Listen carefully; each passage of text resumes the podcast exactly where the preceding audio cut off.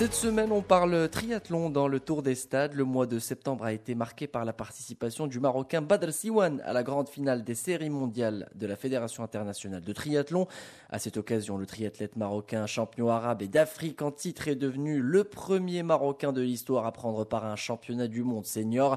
Un championnat qui s'est déroulé à Gold Coast, en Australie.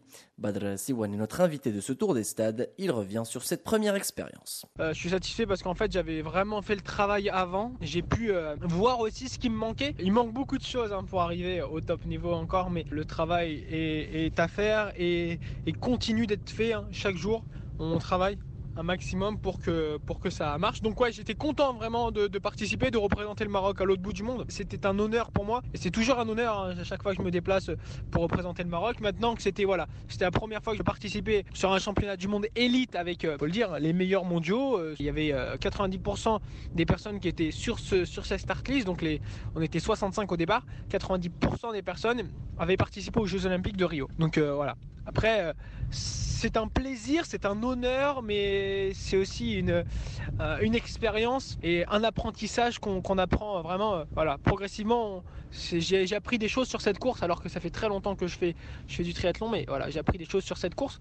C'est très important de toujours apprendre en compétition pour être meilleur chaque jour. Et pour son baptême en championnat du monde, Badr Siwan n'a pas été chanceux. Le Marocain a été victime d'une panne mécanique qui l'a obligé à quitter les épreuves de la dernière manche. Il revient sur cet J'étais vraiment déçu sur le moment parce que c'est dur quand même d'accuser un coup comme celui-ci, une crevaison. On n'est pas du tout euh, maître de soi-même en soi parce que voilà, c'est un vélo. On peut avoir euh, des aléas qui, font que bah voilà, on a des problèmes comme ce que j'ai eu à Gold Coast. J'étais à l'autre bout, j'avais vraiment envie de, faire un bon résultat. J'étais avec euh, Iden, un, Norvégien, et on revenait sur le groupe. Donc voilà, on était, on était vraiment dans une bonne dynamique de course. Le système de course en a valu autrement, une petite crevaison. Ça m'a mis un peu un coup au moral parce que je m'étais préparé pendant deux mois. Euh, mais voilà, c'est que partie remise, on va dire, parce que l'entraînement continue et c'est pas en faisant deux mois qu'on va devenir champion. C'est euh, l'accumulation de beaucoup de semaines, de beaucoup d'heures d'entraînement. C'est une accumulation qui va faire que à un moment donné, ça va marcher et, euh, ça marchera hein, parce que on baisse pas les bras et ça marchera à un moment donné. Et à ce moment-là, ben voilà, on se rappellera de tous les de tous les problèmes qu'il y a eu et, c'est ça qui est magnifique. Voilà, j'étais quand même un peu déçu parce que bon, on est quand même à l'autre bout du monde.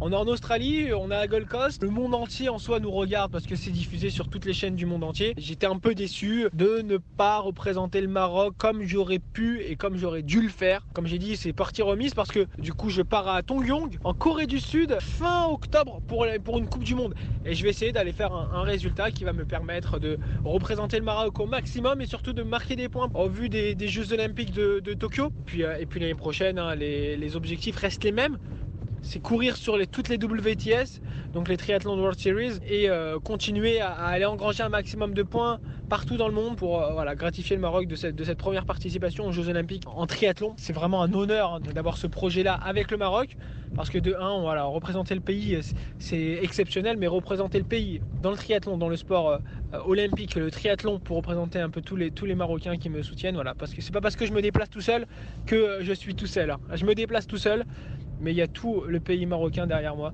Donc ça c'est vraiment exceptionnel. Et, je leur remercie là derrière, derrière, la radio. Tous ceux qui nous écoutent, je vous remercie vraiment. Voilà donc le rendez-vous est pris pour le 27 octobre prochain Tongyong en Corée du Sud pour Badr Siwan.